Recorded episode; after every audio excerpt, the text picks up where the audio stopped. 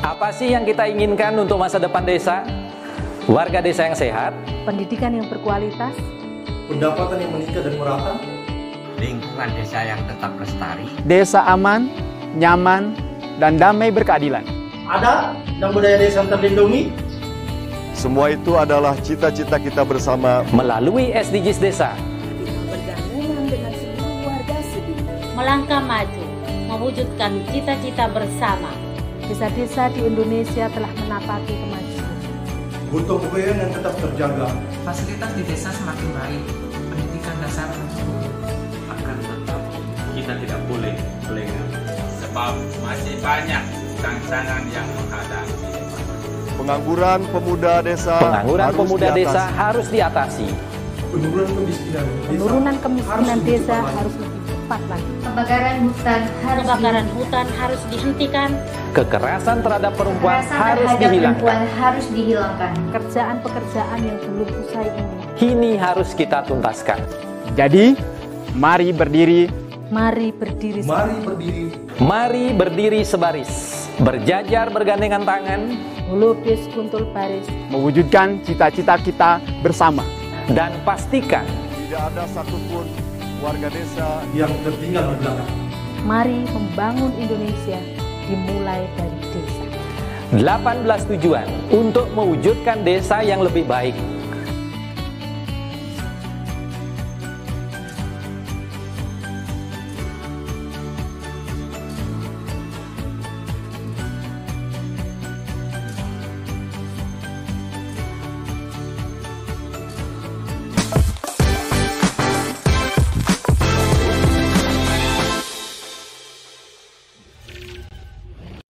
Selamat pagi, salam berdiri sebaris, selubis kontrol baris, salam SDGs Desa, salam bahagia kerabat desa Indonesia. Pagi ini kita akan mendiskusi, akan mendengarkan cerita seputar Bumdes Sukamanah dari Kecamatan Megamendung, Kabupaten Bogor. Ah, kita ingin mendengarkan dari Pak Kadesnya, Kepala Desa dan juga pengelola BUMDesnya terkait pemahaman dari Pak Kades mungkin tentang SDGs desa menurut Pak Kades seperti apa, kemudian apa-apa yang sudah dikembangkan atau dikerjakan dalam konteks apa badan usaha milik desa. Uh, sudah hadir di forum uh, kita ini melalui Zoom meeting ada Gus Ivan yang punya acara, ada Prof. Yoyon ini yang apa maha guru kita. Kemudian ada juga Mas Madong dari Buleleng, ada Mas Sugeng ini yang selalu hadir, Matur nuwun Mas Sugeng. Ada uh, kemudian ada Bu Her Herwini, Mbak Susi ya. Oke, Uh, kita akan mulai dari Pak Kades Ismail. Selamat pagi, Pak. Assalamualaikum warahmatullahi wabarakatuh. Waalaikumsalam. Jadi pengen dengar nih sebelum kita ngobrolin tentang bumdesnya. Sejauh ini Pak Kades sudah pernah sudah pernah mendengar SDGs desa? Ya, sudah. Sudah. Pemahamannya kayak apa nih, Mas? Uh, saya uh, apa namanya hari ini tadi malam memang dihubungi oleh uh, Sekdes untuk ikut di program SDGs Desa ini untuk menyampaikan tentang uh, mengenal lebih jauh tentang BUMDes okay. Sukamana. Hmm. BUMDes Sukamana itu perlu saya sampaikan terlahir dan merupakan amanat dari uh, Perdes nomor 3 tahun 2010 bahwa kami memang mendirikan BUMDes ketika masih Undang-Undang nomor uh, berlakunya Undang-Undang 32 PP 72 tahun 2005 ada amanat untuk mendirikan uh, badan usaha milik desa sebagai salah satu sumber pendapatan desa. Hmm. Jadi BUMDes Sukamana itu memang terlahir sejak itu. Dan kami memiliki eh, tiga kegiatan usaha, Hmm. yaitu satu pengembangan eh, pengelolaan pasar desa, kemudian penyediaan sarana air bersih, dan yang ketiga adalah simpan pinjam.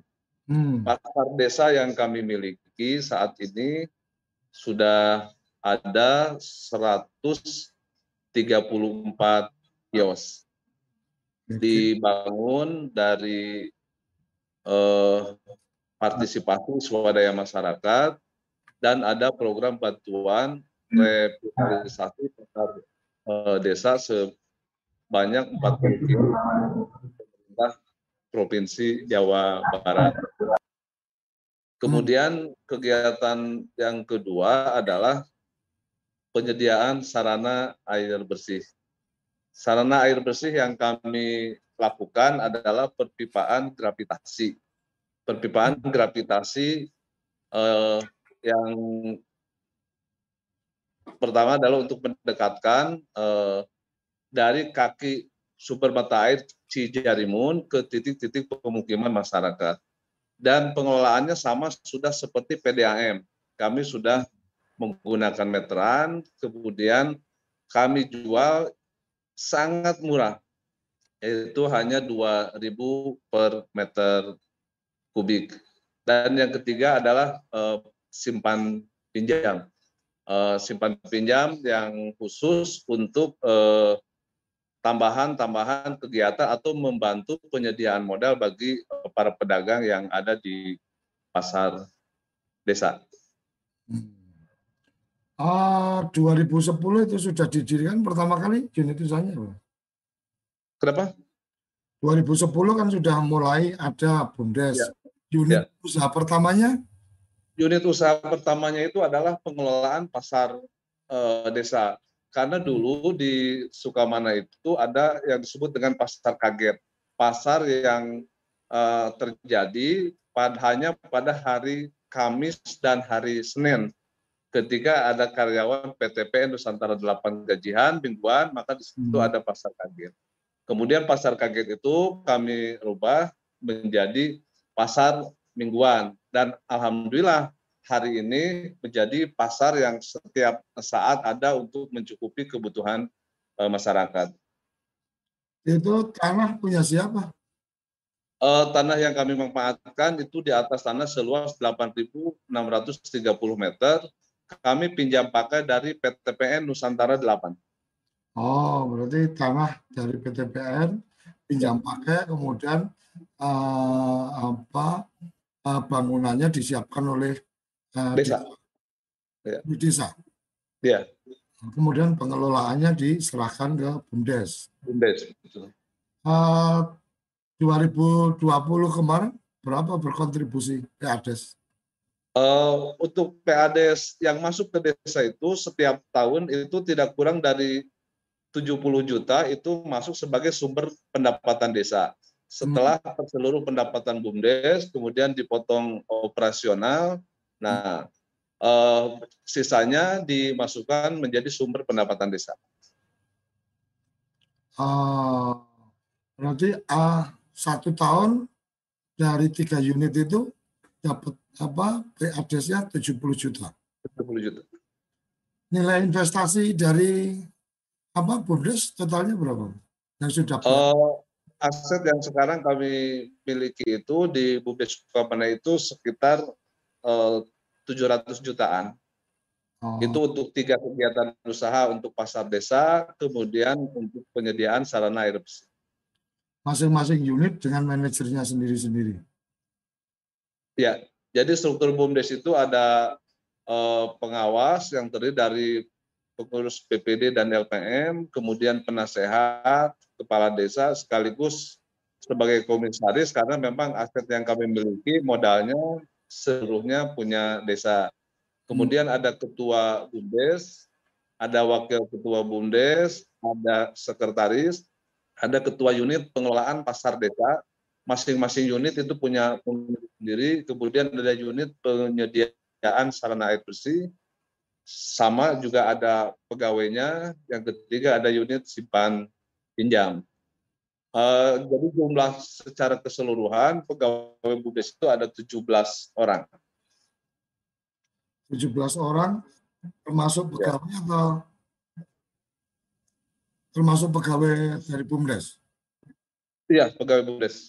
Oke. Oke, dari dari BUMDes sudah bergabung siapa ini? Halo?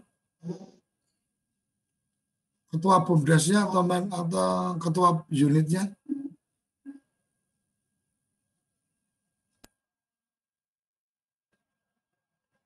Halo?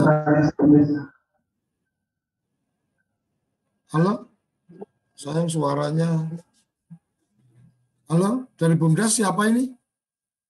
Siapa Pak Lurah? Sekretaris Bumdes. Oh, sekretaris Bumdes. Silakan, ada yang ingin disampaikan dengan bumdesnya?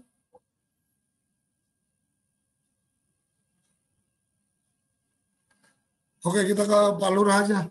Pak Lurah, uh, agenda-agenda ke depan akan seperti apa nih? Bumdes di, di dengan adanya PP 11 2021 apakah Pak Lurah sudah mempelajari atau uh, kita memang ke depan itu rencananya uh, mengikuti sesuai dengan apa yang menjadi amanat di dalam rencana pembangunan jangka menengah desa. Hmm. Bahwa target pemerintah desa untuk pasar desa itu minimal itu kita punya 300 unit. Nah, sehingga hmm. setiap tahun ini kami bangun uh, uh, apa namanya kios baik itu yang Eh, bersumber dari anggaran pendapatan dan belanja desa maupun bekerja sama dengan masyarakat.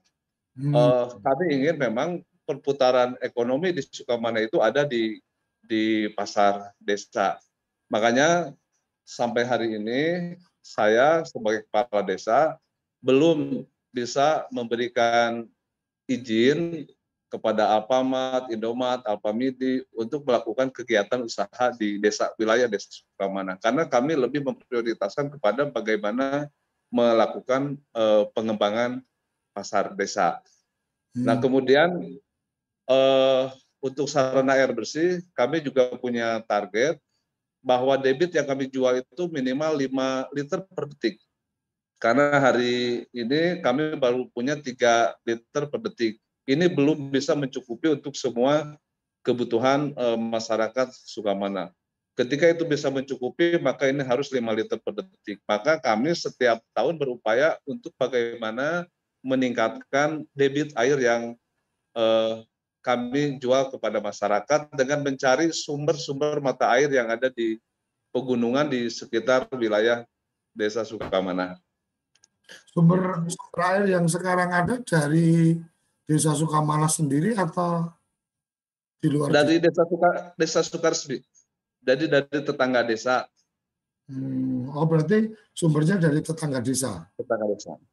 Nah, oke, okay. mungkin kita uh, perlu belajar juga nih kerabat desa ketika desa tidak punya sumber air, sumber air dari desa sebelah dan seterusnya, pola kerjasama atau ada model kerjasama yang dilakukan seperti apa nih Pak Kades?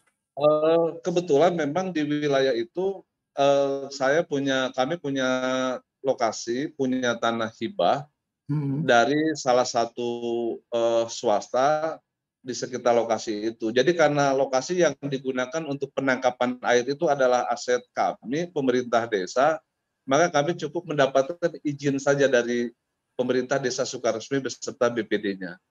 Nah, tetapi setiap uh, tahun kami juga memberikan kompensasi. Dan ada masyarakat yang ada di wilayah Sukaresmi, kemudian kita memanfaatkan sebagai tenaga kerja di sekitar uh, lokasi penangkap air.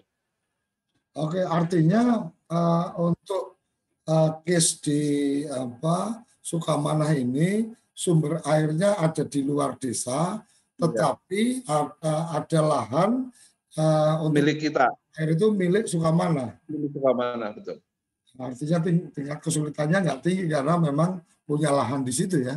Ya, siap.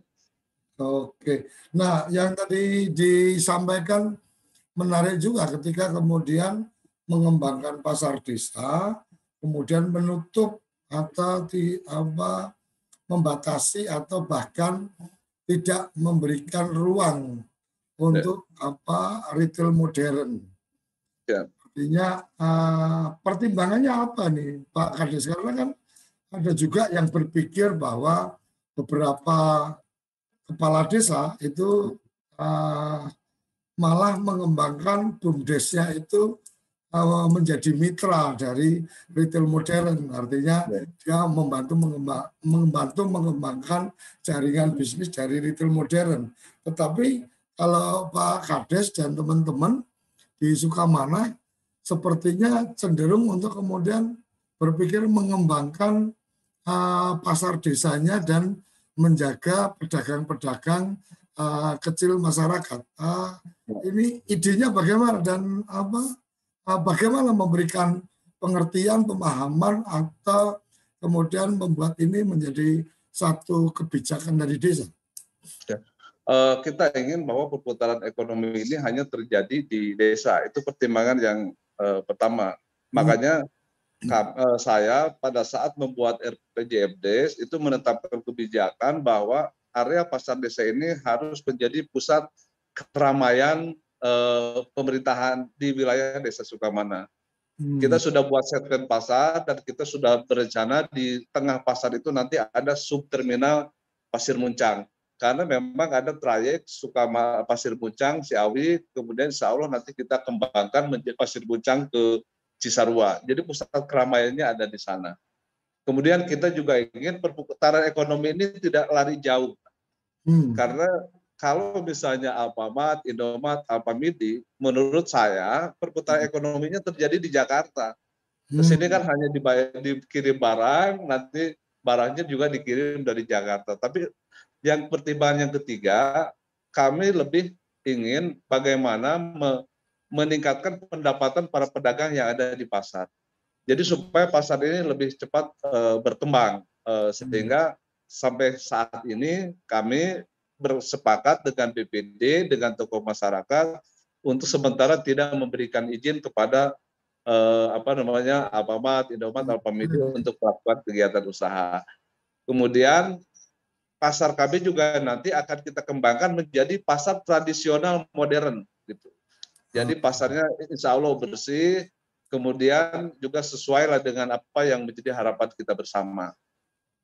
Artinya, artinya ide ini kemudian eh, Pak Kades membawa dalam musyawarah desa, kemudian itu menjadi eh, sebuah kesepakatan bersama. Hanya sekedar kesepakatan atau ada ada perkades yang kemudian atau uh, perdes yang kemudian apa menetapkan bahwa di desa Sukamana tidak akan diberikan izin untuk retail modern.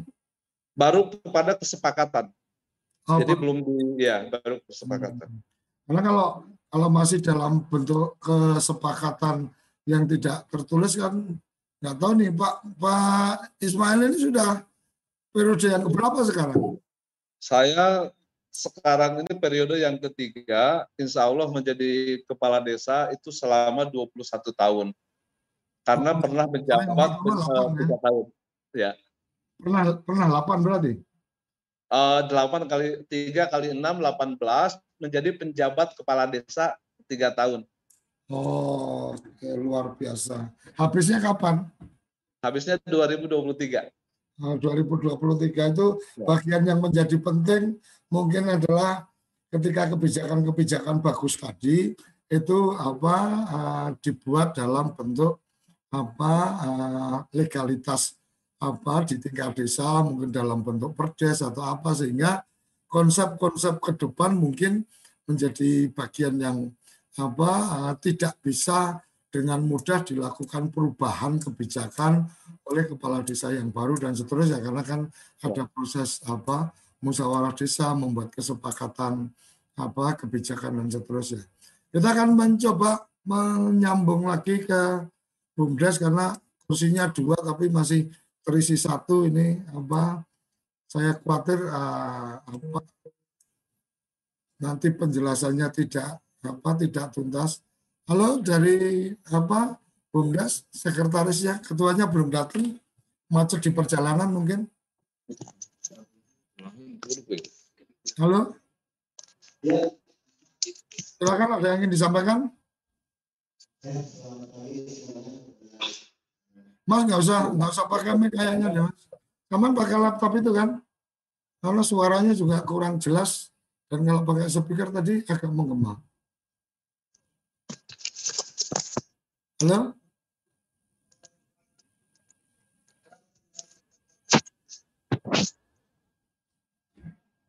Oke, sambil menunggu koneksi lebih lanjut ini, semangatnya Kades lebih besar daripada semangat Bumdes nih kayaknya.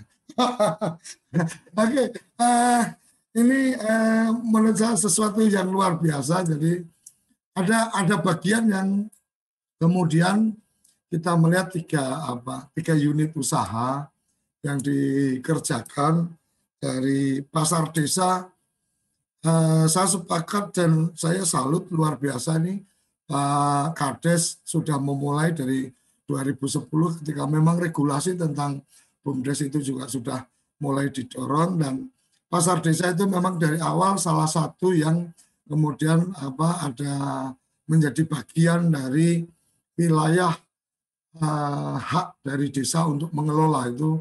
Nah, cuma memang tidak semuanya kemudian menyadari atau melihat itu sebagai satu potensi sehingga ya ala kadarnya saja kemudian paling yang tadinya tempat berkerumun kemudian diberikan apa tenda atau diberikan apa atap dan kemudian uh, desa tinggal ngutip. Jadi hanya sekedar itu masalah kebersihan diserahkan ke apa para pedagang sendiri dan seterusnya tapi saya melihat Pak Ismail punya apa frame atau punya persepsi yang lebih jauh bahwa pasar itu harus jadi pusat kerumunan, jadi pusat pergerakan ekonomi. Ini luar biasa. Pak Ismail ini basicnya dari pendidikan apa ini, Pak Ismail? Sarjana uh, ekonomi? Sarjana, sarjana ilmu politik. Weh, sarjana ilmu politik, sarjana ilmu, ilmu politik menerapkan di ekonomi. Oke, okay, uh, eh, karena koneksi ke BUMDes sepertinya kita apa kurang lancar. Kita akan uh, coba masuk dulu sebelum masuk ke apa segmen kedua ke Mas Ivan uh, Gus Ivan. Uh, kita pengen mendengar pandangan atau respon Gus Ivan ini tentang terobosan luar biasa. Menurut saya ini apa lokal leader ini menjadi penting bahwa eh, kepala desa menjadi penting menjadi pendorong semangat setidaknya eh, kita bisa melihat bagaimana semangatnya Kades ini kadang-kadang juga memang lebih luar biasa daripada teman-teman atau anak buahnya. Oke, monggo Gus Ivan. Ya, terima kasih. Gus Koco, kerabat desa sekalian, Pak Kades Sukamana. Ya. Sebetulnya yang sudah pernah ke lokasi Sukamanah ini Ibu Herwini itu. Wah, boleh nanti setelah ini memberikan ininya. Kalau dia sudah masuk ini. Sudah, sudah. Oh, sudah, iya. Karena apa namanya? Uh, yang ada di sana dan kalau dari sisi uh, dari Jakarta gitu melihatnya itu sebetulnya kenapa Bu Herwini ditugaskan ke sana itu memang salah satu bumdes yang inovatif makanya ingin dilihat lebih jauh dan karena posisinya kemarin harus segera begitu maka kemudian di salah satu yang dilihat itu yang yang di Bogor karena dekat dari Jakarta sebetulnya begitu. Tapi tentu saja akan diikuti dengan bumdes-bumdes yang lain. Karena sebetulnya yang ingin digali ini Gus Koco kerabat desa sekalian dari berbagai pengetahuan bumdes selama ini itu itu kita ingin apa memunculkan satu pengetahuan tentang bumdes gitu. Jadi apa saja terutama tahapan yang bisa dijalankan oleh masing-masing BUMDes dan tahapan itu bukan tahapan ideal tapi tahapan yang memang kalau BUMDes lain melakukan hal yang sama ya, pada kondisi yang serupa ya, maka akan menghasilkan hasil yang serupa juga gitu. Tentu saja ini bukan ilmu matematik yang persis sama gitu, tapi tetap saja ada SDGs desa ke-18. Kearifan lokal menjadi penting. Tokoh-tokoh masyarakat gitu, termasuk kepala desa itu menjadi penting. Gitu. Nah, tadi yang kita lihat ini Gus Koco, kalau kita apa namanya buat semacam tahapan yang bisa dilihat oleh banyak pihak. Yang pertama kan potensinya sebetulnya potensi air. Ya. Kita melihat yang di Majalengka kemarin potensi air dikembangkan sampai ke air minum. Kemudian di BUMDes ini dikembangkan ke layanan ke masyarakat gitu. Tentu saja itu persoalan debit air dan dan sebagainya itu. Kemudian yang kedua itu pasar yang tadinya tidak teratur itu pasarannya itu kemudian dibuat menjadi teratur ya. Kemudian rancangan terminal ya. Jadi kalau kita lihat di sini prosesnya adalah ada potensi seperti itu ya. Nah, memang titik kritisnya tadi yang disampaikan oleh Gus Koco bagaimana hal itu bisa terwujud menjadi BUMDes ya. Karena ini ini BUMDes menurut PP 72 ini Gus Koco. Munculnya kan. Bukan BUMDes uh, sudah mendahului dari undang-undang desa ini ya. Artinya kan di masa-masa ketika saat itu sulit mendirikan BUMDes ya. Harus ada perda dulu untuk memastikan desa boleh mendirikan gitu. Ini desa ini kan sudah mendirikan gitu. Saya nggak tahu kalau nggak salah saya membaca itu awalnya malah koperasi. Dari mana? Dari badan pub, badan privat menjadi badan publik. Bagaimana itu bisa terjadi begitu. Kemudian dari apa namanya potensi ada titik kritis menjadi usaha ekonomi ya. Saya kira yang kalau yang ke depan kita sudah diskusikan di awal minggu itu yang menarik itu itu bukankah malah berbagai peraturan pemerintah sedang mendukung ini ya. Jadi kalau misalnya tadi uh, terminal sekarang bahkan BUMDes boleh bekerja sama mengelola terminal gitu. Kemudian tadi soal air bersih hmm. bahkan BUMDes juga sekarang boleh melakukan usaha air bersih secara resmi ya. Yang yang kalau kita sempat uh, diskusikan itu bahkan wewenang usahanya itu melampaui wewenang kekuasaan pemerintah desa itu. Karena pemerintah desa tidak boleh mengelola air sementara BUMDes usahanya justru boleh legal mengelola air.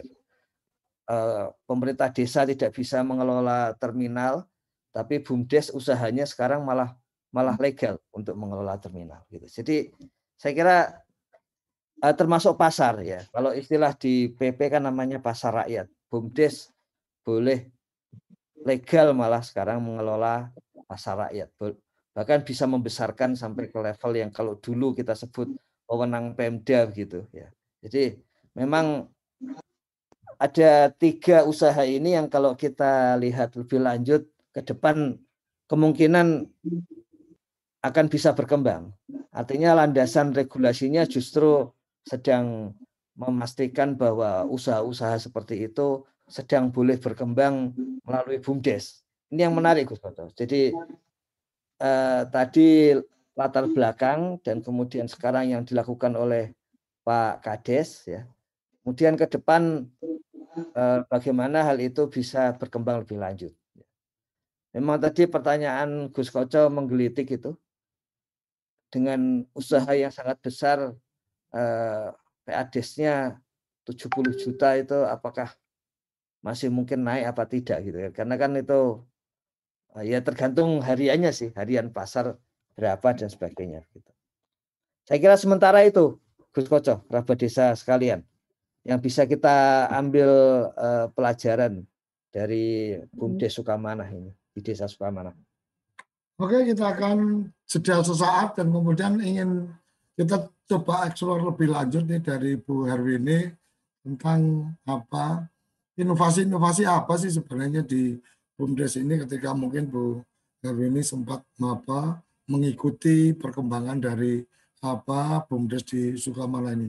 Jangan ke mana-mana, kerabat desa kita akan kembali setelah yang satu ini. Kamu tinggal di pulau terpencil, pegunungan pinggiran kota, atau daerah di Indonesia yang tidak terjangkau jaringan fiber, ADSL, dan juga 3G. Internetan dengan cepat pasti cuma akan menjadi mimpi. Mau pakai tol langit, pakai desa wifi, kunjungi www.desawifi.id. Apa sih yang kita inginkan untuk masa depan desa? Warga desa yang sehat, pendidikan yang berkualitas, pendapatan yang meningkat dan merata, lingkungan desa yang tetap lestari, desa aman, nyaman, dan damai berkeadilan. Ada dan budaya desa terlindungi, semua itu adalah cita-cita kita bersama melalui SDGs Desa. Satu, desa tanpa kemiskinan. Dua, desa tanpa kelaparan. Tiga, desa sehat sejahtera. Empat, pendidikan desa berkualitas. Lima, keterlibatan perempuan desa. Desa layak air bersih dan sanitasi. Tujuh, desa berenergi bersih dan terbarukan. Delapan, pertumbuhan ekonomi desa merata. 9. Infrastruktur dan inovasi desa sesuai kebutuhan. 10. Desa tanpa kesenjangan. 11. Kawasan permukiman desa aman dan nyaman. 12. Konsumsi dan produksi desa sadar lingkungan. 13. Desa tanggap perubahan iklim. 14. Desa peduli lingkungan laut. 15. Desa peduli lingkungan darat. 16. Desa damai berkeadilan. 17. Kemitraan untuk membangun desa 18. Kelembagaan Desa dinamis dan budaya Desa adaptif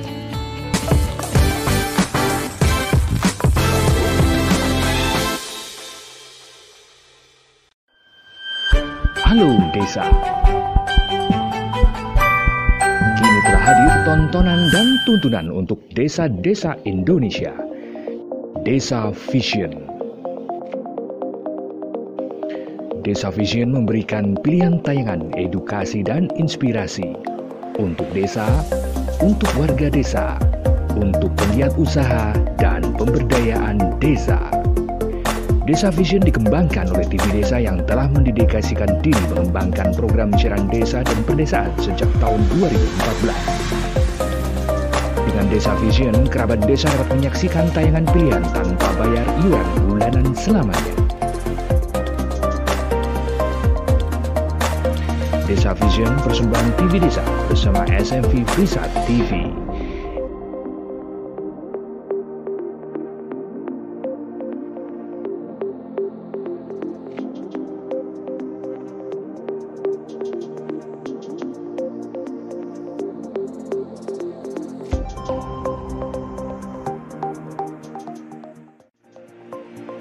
Info lengkap kunjungi desavision.id.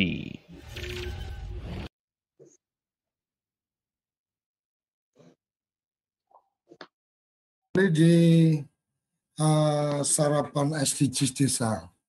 Bu Herwini saya saya biasa manggilnya Mbak Susi jadi. Selamat pagi Mbak. Selamat pagi Kak Poco. Selamat pagi Bapak Ibu semuanya. Selamat nah. pagi Pak Ismail.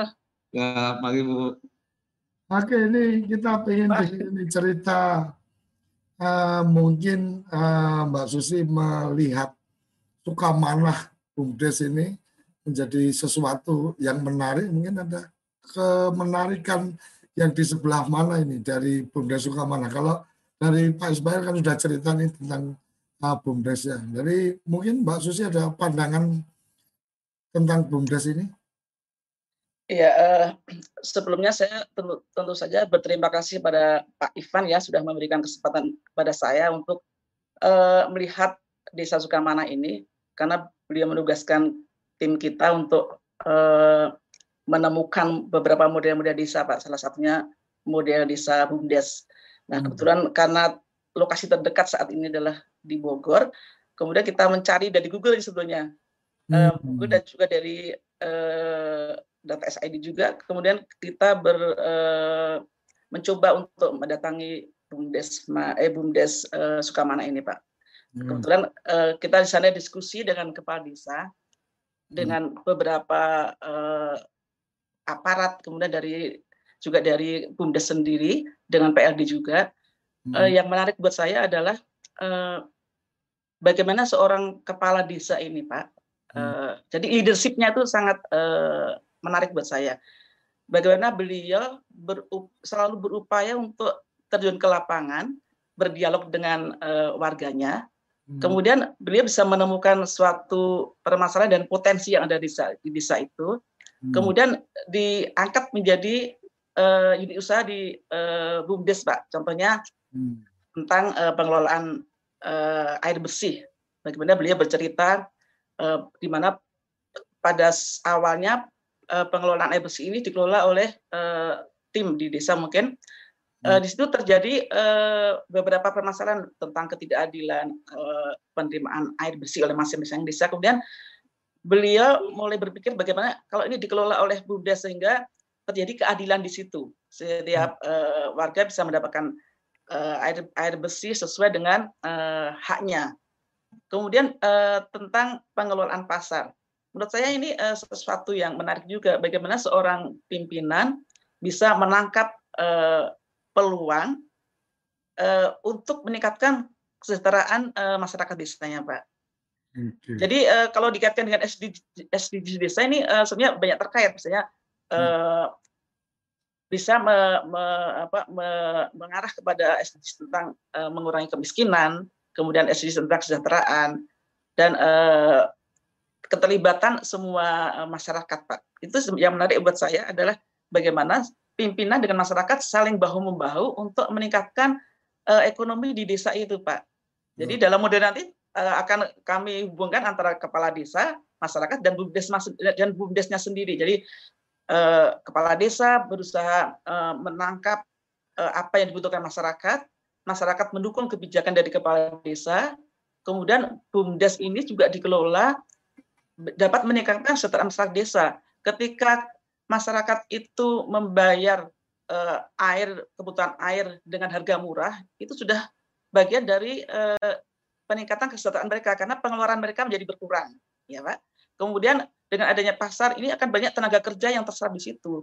Eh, pedagang desanya pedagang pasarnya kemudian dari parkirnya kemudian dari tukang sampah di mana tenaga kerja ini berasal dari desa itu. Jadi itu yang menarik buat saya pak oh. uh, tiga uh, unsur ini yang Eh, ketika kita bicara tentang model desa bumdes, tiga unsur ini adalah uh, hal yang penting harus diperhatikan. Mungkin itu Pak Koco. Oke, kita coba menghubungi lagi dari pihak bumdesnya. Halo, Mas Sekretaris Bumdes, Sekretaris Bumdes ya, Pak Ismail ya, ini ya? Ya, kebetulan Ketua Bumdesnya lagi kurang sehat, jadi di Oke. Ketua Bumdes yang hadir, Sekretaris Bumdes yang hadir. Silakan, Sekretaris Bumdes. Halo, halo. Halo. Ya, halo. Ya, kita pengen tahu nih, uh, agenda ke depan Bumdes ini akan melakukan apa? Karena kalau yang sudah dilakukan sepertinya Pak Kades tadi sudah bercerita, nah sekarang kita pengen tahu nih, uh, ketika mengelola Bumdes, sudah punya agenda-agenda perencanaan ke depan seperti apa dan seterusnya? dan paling untuk ke depannya kita masih fokus ke yang ketiga ini tiga ini ini yang lebih berkembang ke depannya kita ada program-program dari masing-masing untuk meningkatkan kualitas dan pelayanan kami mungkin ya Pak. Artinya uh, belum belum ada agenda-agenda khusus untuk mengembangkan BUMDes ke depan akan seperti apa? Atau mungkin tadi Pak Kades menyampaikan eh, PADES mungkin baru 70 targetnya tahun ini jadi 200 atau bagaimana? Iya dong, ini kan kalau ya, kita, uh, ada bagian dari bagaimana peningkatan layanan juga bagaimana peningkatan pendapatan ini. Ya, makanya tadi saya sampaikan kita masih fokus unit ini untuk meningkatkan pelayanan dan pendapatan ada sendiri. Insya Allah uh, di tahun 2021 ini kita yakin nambah betul-betul bisa mencapai di Oke. Oke, terima kasih Mas Sekretaris Bumdes. Uh, kita coba menyapa yang di Bali ini, Mas Madang. Mas Madang, uh, sesuatu yang yang menarik apa menurut menurut saya memang ini sebagai bahasa yang kemarin kita diskusikan adalah harus benar-benar menjadi alat alat meningkatkan pelayanan masyarakat alat uh, sisi yang lain alat untuk meningkatkan pendapatan asli desa artinya di sini ada apa uh, dua keping hanya kalau mata uang ini ada dua sisi satu sisi layanan umum, kemudian satu sisi juga sebagai badan apa bisnis. Mas Madang ada tambahan informasi atau uh, pandangan-pandangan? Terima kasih Gus Suryo. Assalamualaikum warahmatullahi wabarakatuh. Gus Iwan, Gus Prof. Yoyon, Gus Arif, teman-teman kerabat desa di seluruh Indonesia dan teman-teman Bumdes Sukamanah di Bogor. Menarik sekali apa yang disampaikan oleh Pak Kades tadi bahwa ada upaya untuk lokal wisdom sebetulnya. Bagaimana membumikan uh, marwah ekonomi desa itu pada posisi kedaulatan desa. Yang kedua bahwa memang bumdes ini kan tidak semata-mata dari sisi dari sisi bisnis pak.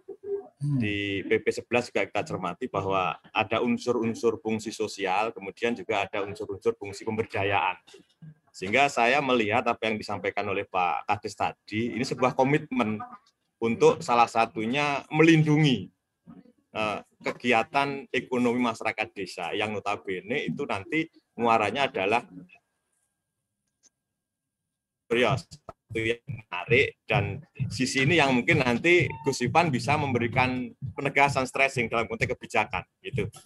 Kami memang ada Pak ada beberapa desa itu yang menolak untuk memberikan izin uh, retail modern. Jadi desa itu untuk melindungi ekonomi desa, usaha-usaha masyarakat desa itu tidak akan memberikan izin untuk berdirinya toko-toko retail itu. Karena di satu sisi juga akan mematikan ruang ekonomi lokal masyarakat desa. Hmm. Ya. Peran BUMDes ke depan mungkin akankah uh, mungkin BUMDes dalam sisi contohnya unit usaha perdagangan itu bermainnya pada segmen kedua. Jadi hmm. dari dari pabrik ke BUMDes, kemudian BUMDes lah yang akan mensuplai kepada unit-unit toko milik masyarakat desa. Artinya itu mungkin satu sisi ya, level di ya, Iya. Betul. Tidak betul, betul. penjualan langsung ke masyarakat, uh -uh. melayani penjualan untuk par, apa pedagang-pedagang kelontong yang ada di desa itu gitu ya. Betul betul. Ini salah satu desa kami juga ada Bunda Smart hmm. untuk me, me, mengimbangi gencarnya uh, toko-toko modern yang sekarang sudah masuk ke pelosok-pelosok desa itu. Okay. Ini sebuah komitmen yang menarik yang nanti mungkin menjadi sebuah kebijakan uh, Gus Ipan. Uh, bagaimana fungsi tawar bumdes ini biar juga bisa bersaing dengan unit-unit bisnis yang uh, dilakukan oleh pemodal besar. Yang kedua, sisi sosial dan sisi pemberdayaan. Mungkin ini akan terus kita upayakan. Saya kira demikian pengalaman kami di Buleng. Terima kasih, Gus Surya, Gus Ivan. Oke. Mas Arif, guru desa. Jadi melihat fenomena ini kalau kalau saya terus terang yang menjadi menarik adalah eh, nyali seorang Ismail kepala desa yang kemudian membuat pembatasan untuk tidak ada retail modern. Ah, ini saya jadi ingat dulu ada apa konsep ekonomi benteng. Artinya ah, dulu yang namanya ah, non pribumi, walaupun ini kita kita tidak ingin ngomong pribumi non pribumi, tetapi pada saat ah, itu kebijakan ekonomi benteng adalah bagaimana non pribumi itu hanya boleh melakukan usaha di level kecamatan. Jadi kalau mau, apa ah, toko-toko dari mereka-mereka yang non pribumi itu hanya boleh di kota kecamatan, di desa nggak boleh mereka apa melakukan usaha dan seterusnya. Itu artinya mungkin kalau waktu itu kan lebih pada pribumi dan pribumi. Nah sekarang saya melihat semangat itu juga dilakukan oleh Pak Ismail Kades bahwa desa ini harus dilindungi dari apa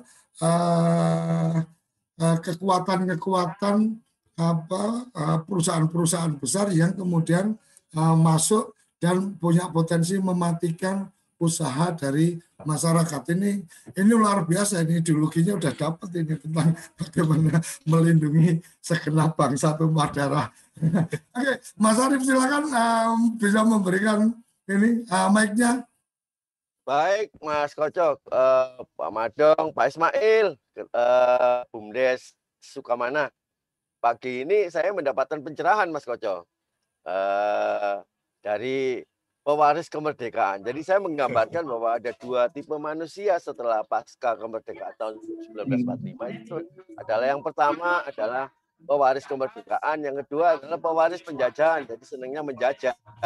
Kalau Pak Ismail termasuk termasuk pewaris kemerdekaan, jadi memberikan kemerdekaan pada warganya. Hanya saja saya ingin urun rembuk Pak Ismail. masa jabatan sekian tahun itu eh, jangan lupa di akhir-akhir ini mengenai kaderisasi. Jadi kalau eh, ideologi atau fil filsafat daripada berdesa ini nggak dikaderisasikan, saya khawatir nanti yang di belakang malah eh, wah ini ingat nggak waktu Bu Susi turun dari Kementerian eh, eh, Perikanan dan Kelautan, nggak boleh eh, apa, ekspor bibit tapi menteri berikutnya harus ekspor bibit. Nah, jadi saya hanya ingin urut rebuk bahwa kaderisasi penting, Pak. Bahwa Bapak harus mempunyai pewaris juga, pewaris kemerdekaan yang Bapak miliki. Lalu eh, salut sekali, salut sekali. Nah, pasar desa seyogianya juga tidak menutup diri hanya sekedar pasar tradisional. Di Bali pun saya melihat kalau berjalan-jalan itu pasar sudah hampir dikatakan 18 jam. Lalu pasar tidak tidak tertutup dengan intervensi. Artinya eh, nggak ada salahnya para kader Bapak Ismail ini juga mempelajari tentang pasar yang sifatnya bisa langsung menjualnya tidak hanya di lokal tapi ke luar kota. Pak, di Megamendung itu banyak hasil bumi yang menarik untuk di jual secara fresh ke Jakarta, Pak. Nanti saya bantu, Pak, di Jakarta saya hubungkan dengan teman-teman lembaga keswadayaan kelurahan. Jadi lembaga keswadayaan kelurahan yang juga punya Permen Dagri 130 yaitu pemberdayaan masyarakat kelurahan. Itu juga pasarnya Bapak gitu. Pasarnya Bapak dan dia bisa dihubungi, bisa diajak sehingga yang seger-seger juga langsung bisa diterima oleh orang Jakarta. Saya kira gitu Pak Ismail. Siap. Selamat kepada pewaris kemerdekaan. Sukses Pak Ismail. Amin. Oke, luar luar biasa. Jadi dari dari penjelasan Pak Lurah tadi memang Bapak Kadis tadi memang menurut saya ada ada apa kemenarikan tentang bagaimana mampu menjaga apa uh, potensi bisnis dari masyarakat ini kemudian tidak tergerus karena ada kekuatan modal yang gampang masuk mengajak-ajak semuanya dan seterusnya. Ide, dari Mas Mas, Koco, ya. itu Pak Ismail itu bukan sekedar pewaris kemerdekaan, tapi beliau juga menjaga marwah berdesa gitu loh. Oke. Oke, nah uh, yang menarik lagi adalah yang disampaikan Mas Madong tadi bahwa ketika bicara BUMDes maka sebenarnya level BUMDes itu kalau mau berbisnis ya bukan kemudian bisnis retail atau hmm. bahkan hanya uh, franchise dari apa retail modern tetapi BUMDes mengambil peran sebagai uh, apa uh, pusat perkulakan dari retail-retail uh, yang ada di masyarakat. Jadi ide tentang uh, BUMDes tidak mengambil uh, per, uh, mengambil bisnis yang sudah berjalan di masyarakat ini menurut saya bagian yang uh, menarik dari sisi apa uh, social empowering uh, pemberdayaan masyarakat uh, dari sisi ekonomi. Kalau sisi layanan oke okay lah seperti yang tadi disampaikan Pak Ismail tentang air eh, satu meter kubik cuma 2000 dan seterusnya. Tetapi ya tetap harus dihitung bahwa dalam konteks ini bisa juga diberikan artinya ya diberikan harga yang berbeda nih antara masyarakat dengan apa rumahnya yang apa rumahnya yang sudah bagus, kemudian mereka yang masih sederhana dan seterusnya sehingga ada konsep subsidi nih. Nah, supaya apa? Supaya ketika ada bagian-bagian yang kemudian apa secara pengembangan oh mau nambah lagi nih tempat untuk tampungan air di wilayah mana mau beli tanah dan seterusnya itu potensi dari apa uh, unit usaha pengelola air juga apa bisa ter terbantu atau sudah terbangun di situ. Oke, ini pagi ini kita mendapatkan pencerahan luar biasa dari Pak Ismail. Semoga seperti yang tadi disampaikan Mas Arif tadi, jangan sampai tidak punya kader gitu kan. Artinya uh, cara-cara berpikir seperti Pak Ismail jangan sampai tidak ada yang meneruskan karena memang khawatir kita kadang-kadang ketika ganti kepala desa kemudian ganti apa kebijakan dan ketika kenapa bisa bisa mudah seperti itu ya karena uh, kaderisasi atau uh, memberikan pemahaman tentang bagaimana mengelola desa dan seterusnya ini apa kurang tersampaikan dengan baik ke apa mereka-mereka yang akan maju ke kandidat kepala desa berikutnya. Terima kasih Mas Ismail. Uh, Gus Iwan masih ada yang ingin disampaikan sebelum saya serahkan ke Prof Yayan untuk memberikan apa pencerahannya benang merah obrolan kita. Iya ini Gus Koco ini kalau apa namanya melihat sejarah pengetahuan ini Gus Koco. Ya. Ini mirip apa tahun-tahun 1600-an ini. Hmm. Jadi kalau sebelumnya itu merasa tahu semua begitu, hmm. tapi di tahun 1600-an itu kita yakin bahwa kita sebetulnya tidak banyak tahu gitu. Sehingga memang setiap kali ya itu tapi itu yang mengembangkan pengetahuan masalahnya. Setiap kali ketemu bumdes baru, desa baru, kepala dinas PMD baru, kemudian pegiat desa baru itu uh, jadi tambah tambah banyak ini. Ini kalau saya mencatat ini variabelnya tambah banyak lagi ini. Tapi itu justru nanti yang akan berguna untuk tahun-tahun ke depan ini. Saya kira sih begitu, Gus. Tahun ini itu Kementerian Desa sudah uh, sudah pasti akan akan istilahnya sih istilah Gus Menteri sih mengumpulkan model, tapi itu sebetulnya itu mengakumulasi semua pengetahuan yang bisa kita peroleh dari desa-desa Gus Kocok. Jadi kita memang betul-betul mengeksplorasi dengan berbagai cara. Antara lain melalui sarapan SDGs desa ini karena banyak ide-ide tiba-tiba muncul di sini dan kami sangat suka itu karena itu pasti akan berguna untuk tahun depan. Tadi sudah diberi beban lagi oleh Mas Madong itu ya bebannya itu justru di kebijakan ini kan ya kalau untuk dunia nggak apa-apa untuk akhirat ini yang nakut-nakutin dan dan saya kira menarik dari Pak Arief tadi Gus Koco. Mengambil diksi antara penerus pewaris kemerdekaan dan pewaris aja ini. Ini diksi yang cocok diambil ini. Saya kira gitu Gus Koco. Oke. Menarik sekali ini. Terima kasih banyak. Oke, Prof. Yayan mendengar uh, yang disampaikan uh, Kades Ismail ini ada benang merah apa nih yang harus kita apa kita ambil? Dan uh, mungkin sebelum Prof Yayan saya ingin memberikan respon di channel YouTube tentang bagaimana apa uh, Mas Taufik Hidayat. Teman-teman terima kasih Eh, teman-teman setia yang sudah mengikuti acara ini. Oh ada Mas Aris Ahmad uh, Risadi Maturnuwun, ada Mbak Dina, ada Mas Kiono, Geni Langit, ini sudah apa selalu ada Tengku Khairul. Mas Taufik Hidayat sekali-sekali mengundang narsum yang bumdesnya gagal. Kita belajar dari kegagalan.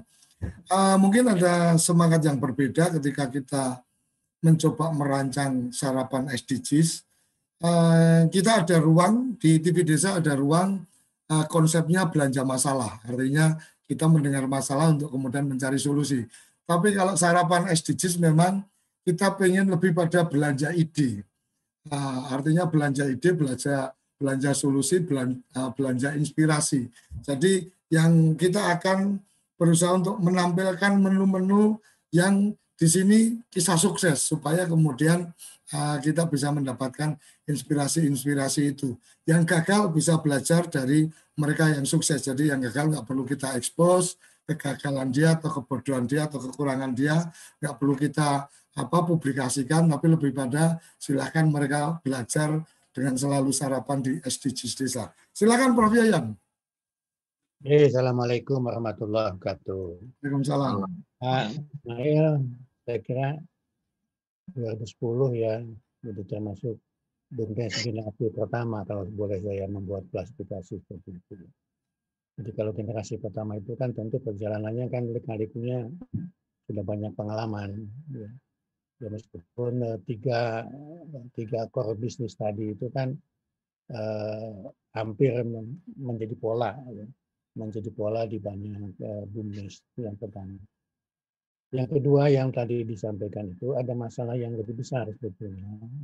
Mm. Uh, di tingkat desa yang muaranya itu juga dari dari skala nasional.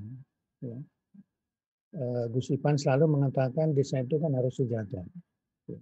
Dulu kan desa itu mandiri. Ya. kemudian menjadi desa itu harus sejahtera. Ya, konsepnya menjadi kesejahteraan umum gitu ya. Umum. Maka di dalam PP 11 itu ada jalur ekonomi dan ada jalur layanan umum. Ya. Sehingga dua-duanya harus sampai di titik yang namanya kesejahteraan umum itu. Tapi ada hal yang sulit diatasi secara lokal lokal desa. Misalnya tadi bisnis-bisnis tadi itu. Ya, kenapa?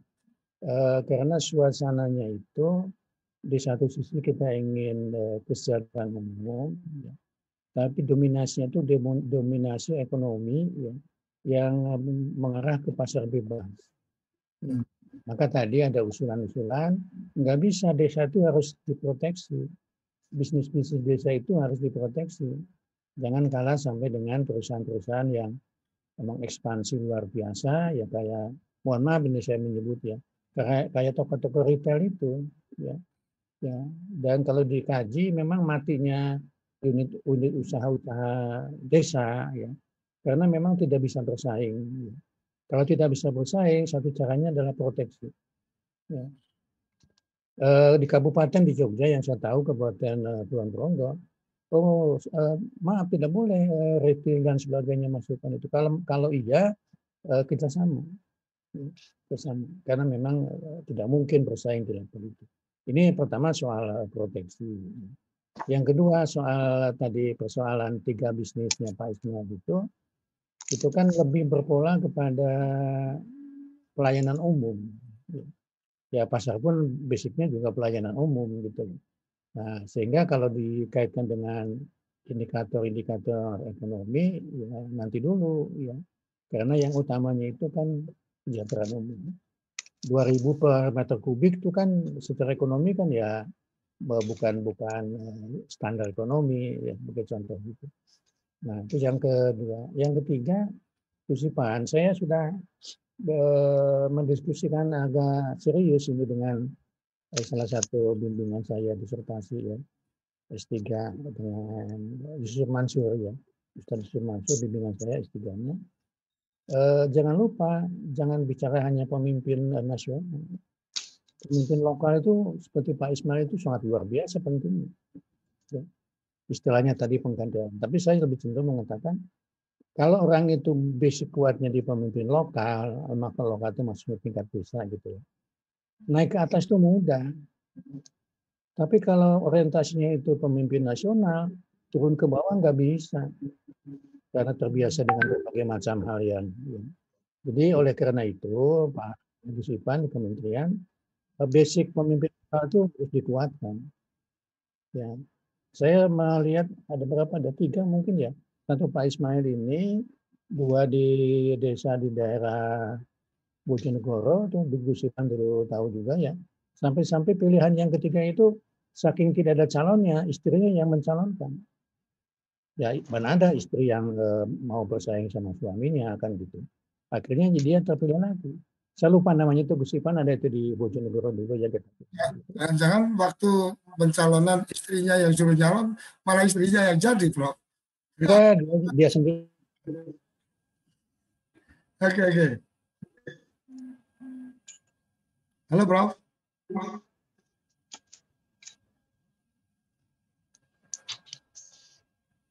Halo. Prof Yayan?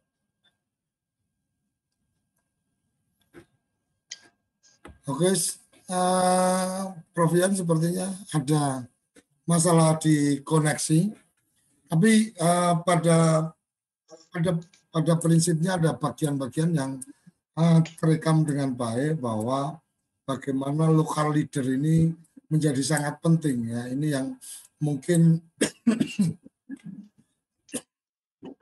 perlu ada sekolah kader mungkin. Sekolah kader apa uh, kepala desa jadi uh, bukan sekolah kader partai bukan tapi sekolah kader kepala desa yang itu apa injeksi ideologis injeksi apa pandangan-pandangan uh, bagaimana menjadi lokal leader yang baik ini jadi tambahan tugas dari uh, Kementerian Desa. Desa. Oke, okay. uh, dan tidak terasa kita sudah sampai di penghujung acara. Terima kasih Mas Ismail yang sudah memberikan inspirasi yang luar biasa pagi ini. Bagaimana lokal leader itu harus berani mengambil keputusan, mengambil sikap untuk melindungi uh, masyarakatnya dan memberikan apa uh, pelayanan yang lebih bagus kepada masyarakatnya. Dan terima kasih uh, Gus Ivan yang punya acara ini memberikan ruang kepada kita untuk mendatangkan tokoh-tokoh inspiratif. Terima kasih Mas Madong, Mas Arif, juga Mbak Susi yang sudah mendukung uh, acara ini, Bu, uh, Bu Yayat, Mbak Irma Yani yang juga mengikuti acara ini di Zoom meeting, dan kerabat desa yang uh, memantau kita di channel YouTube dan di siaran TV desa. Sampai di sini sarapan SDGs desa kali ini. Kita akan bertemu di pekan depan. Salam berdiri sebaris, berlupis kontur baris. Salam bahagia kerabat desa Indonesia. Terima kasih. Apa sih yang kita inginkan untuk masa depan desa? Warga desa yang sehat, pendidikan yang berkualitas, pendapatan yang meningkat dan merata, lingkungan desa yang tetap lestari, desa aman, nyaman, dan damai berkeadilan. Ada dan budaya desa terlindungi, semua itu adalah cita-cita kita bersama melalui SDGs Desa. Melangkah maju, mewujudkan cita-cita bersama. Desa-desa di Indonesia telah menapaki kemajuan. Butuh kebayaan yang tetap terjaga. Fasilitas di desa semakin baik, pendidikan dasar. Akan tetapi kita tidak boleh lengah. Sebab masih banyak tantangan yang menghadapi Pengangguran pemuda desa Pengangguran harus pemuda diatasi. desa harus diatasi.